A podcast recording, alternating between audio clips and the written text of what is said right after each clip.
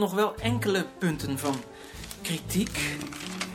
Ehm, u schrijft in de eerste regel...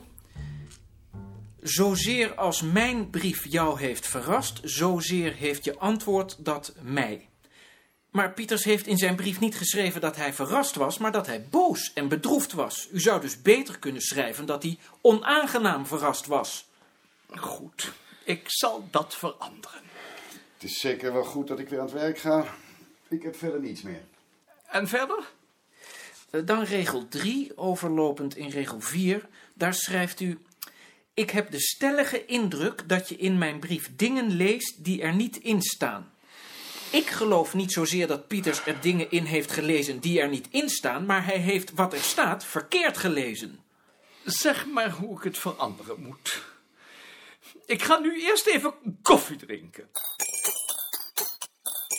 Je vergist je als je meent dat in een nieuwe structuur de Nederlandse commissie gemist kan worden. Het begin van het tweede gedeelte van de zin die begint op regel 6. Ons tijdschrift is immers het officiële orgaan van deze commissie en op grond daarvan krijgt het rijkssubsidie. Beter zou zijn de strekking van de zin zodanig te veranderen dat... Niet de redactieraad, maar de commissie wijst de Nederlandse redacteuren aan.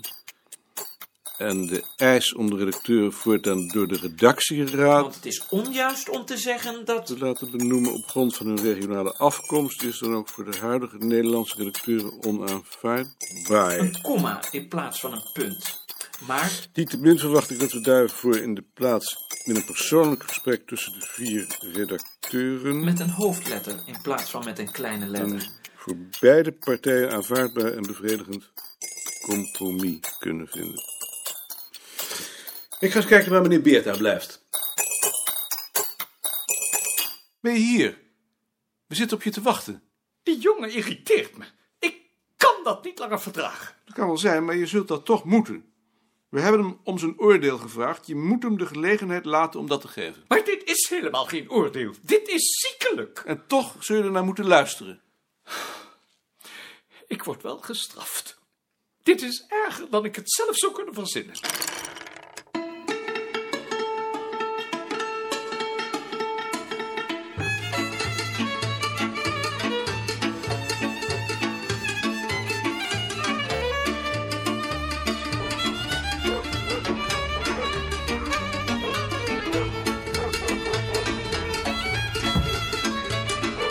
Passport.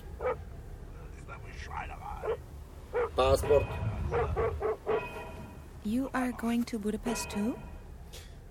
Yes. Do you know where this street Passport. Kossuth Lajos Utka is? No, I've never been in Budapest before. Neither have I. Passport. I'm on my way to a congress on pharmacology. You could ask the taxi driver. Yes. What are you going to do in Budapest?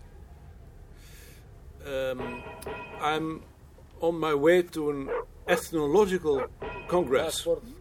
Most interesting. And what is the subject of your paper? The cradle. What? The cradle. Um, the thing they put the small ones in when they want to get rid of them. Passport. Get rid of them? So etwas Dummes habe ich noch nie gehört. Ich auch nicht.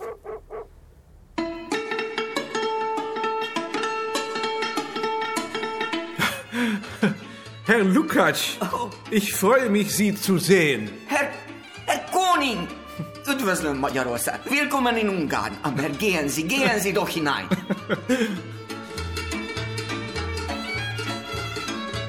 Dag Jan. Dag Maarten. Ik had al naar u gezocht. Ik wist niet dat jij hier ook zou komen. Toch? Ze hebben me zelfs gevraagd om een lezing. Over de kar. In dit gezelschap zie je er verdomd Nederlands uit. Gij ook. Maar jij bent een Belg. Ja, nochtans voel ik me Nederlander. Wat gaat er eigenlijk gebeuren? Het schijnt dat zij ons met een bus zullen gaan vervoeren naar een congrescentrum buiten Budapest.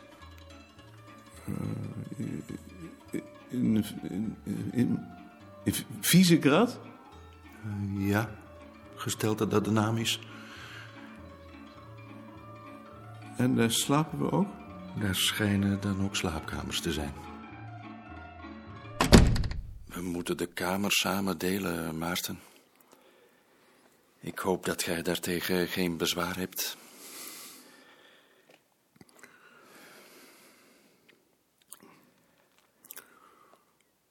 Maarten, ik snurk. Het is een gierend geluid. Mijn vrouw kan er niet bij slapen. Dat doet er niets toe. Tijdens zo'n congres slaap ik toch niet. Van Bouillon, dit bevalt me helemaal niet. Mij zien ze hier niet meer terug.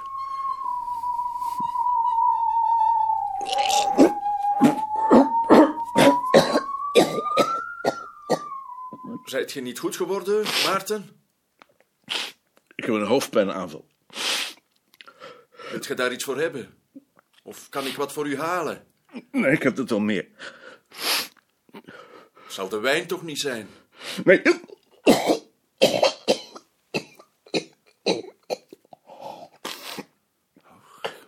Je hebt het wel te pakken. Het gaat er weer over.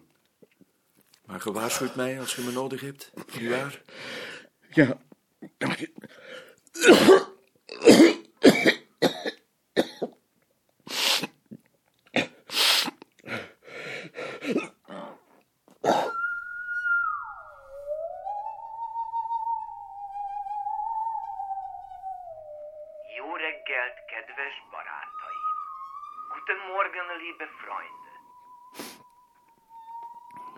Hoe gaat het nu met u, Maarten? reggelt, kedves barátaim! Guten Morgen, liebe Dat wil zeggen dat je in bed blijft. Ik heb met u te doen. Weet u dat? kedves barátaim! Dat is Guten aardig. Morgen, liebe Freunde! Kan ik misschien een beschuitje voor u halen? Nee, alsjeblieft niet. Ook geen kop thee. Voorlopig niet. Kom ik zo straks nog wel eens kijken. Guten Morgen, liebe Freunde! Ik wens u het beste.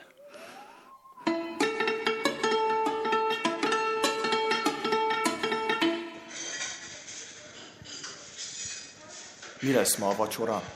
Gulyásleves lesz marhahússal. Heute Nachmittag gibt es Gulaschsuppe mit Rindfleisch. Az, hogy gyomrának, az egy kicsit nehéz. Aber sie sagt, dass das für ihren Magen zu schwer ist. Adok neki párolt zöldséget látojással. Für sie gibt es gekochte Gemüse, leicht gekochte Eier. Rizsal talán azt elviseli. Und Reis, das vertagen sie wohl, wie? Ja, natuurlijk. Vielen Dank. Készítek neki egy kis uh, húsot. Und sie wird auch noch eine Bouillon für sie machen. Aber sie soll sich doch nicht zu viel Mühe geben.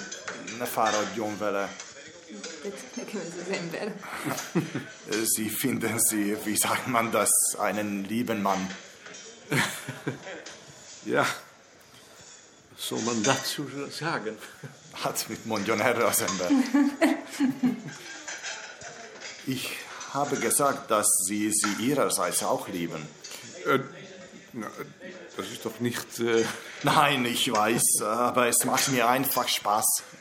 ja.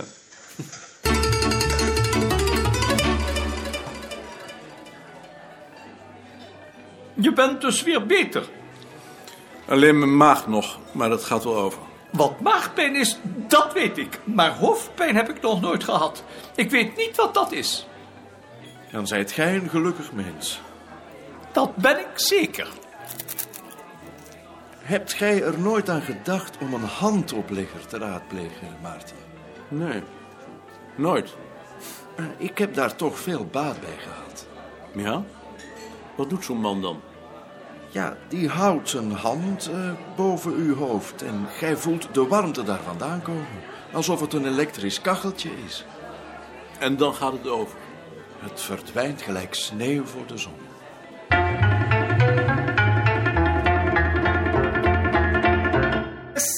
Jetzt zehn Minuten nach zwölf.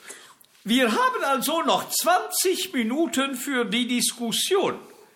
Ich bitte Sie, darin nicht nur die Hauswände, wovon nach der Kaffeepause die Rede war, sondern auch das Frauenhemd hineinzuziehen, damit wir vor dem Mittagessen diese beiden Themen abgehandelt haben.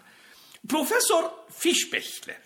Ich möchte etwas fragen zum Thema der Hauswände, das mit Erklärung wert erscheint. Das Haus meines Großvaters stammt aus dem 16. Jahrhundert. Es hat eine Grundmauer aus Stein, aber etwas weiter oben, der erste Stock, besteht aus Ziegel. Im selben Dorf gibt es jedoch auch Häuser aus Holz oder teilweise Stein, teilweise Holz oder Ziegel und Holz. Meine Frage ist jetzt, was soll ich von diesen unterschiedlichen Materialien und Techniken auf die Karte einzeichnen, damit man eine repräsentative Übersicht der Situation bekommt? Das ist eine interessante Frage. Professor Horvatic. Ach, Ihre Frage ist nur scheinbar interessant. Im Wesentlichen sehe ich da gar kein Problem. In solchen Fällen macht man einfach ein Kombinationszeichen oder man wählt das, was wichtig ist. Aber was ist wichtig? Äh, sind das die Häuser im Dorf, die vielfach aus Stein oder Ziegel und Holz sind? Oder sind das die Häuser um die Berghänge, die hauptsächlich nur aus Holz gefertigt sind? Ja, was ist wichtig? Das werden Sie doch schließlich selbst entscheiden müssen. Herr Günthermann? Vielleicht kann Herr Fischbächle in diesen Fällen statt eines Kombinationszeichens zwei Zeichen benutzen. That would give us the opportunity to distinguish between the houses of the wealthy farmers and the houses of the poor agricultural workers. Das ist ein zweites Problem. Soll man auf unseren Karten alle sozialen Schichten eines Dorfes berücksichtigen oder welche? Ich weiß nicht, wie das gedacht ist. Und dennoch habe ich das schon vielmals gesagt. Mit einer sozialen Schichtung würden wir die Sache ungemein komplizieren. Wir wollen die großen Zusammenhänge in Europa herstellen und nicht in Details gehen. Soziale Unterschiede bleiben also auf der Karte unberücksichtigt. Sie meinen, dass wir die Bauten aller ländlichen Sozialschichten berücksichtigen müssen, ohne Unterschied? Oder nur die Bauten der wichtigsten Schicht? Ja, das meine ich. Aber Herr Professor, dann bleibt das rein quantitative Problem. In Luxemburg haben wir in vielen Dörfern drei Formen der Dachauer.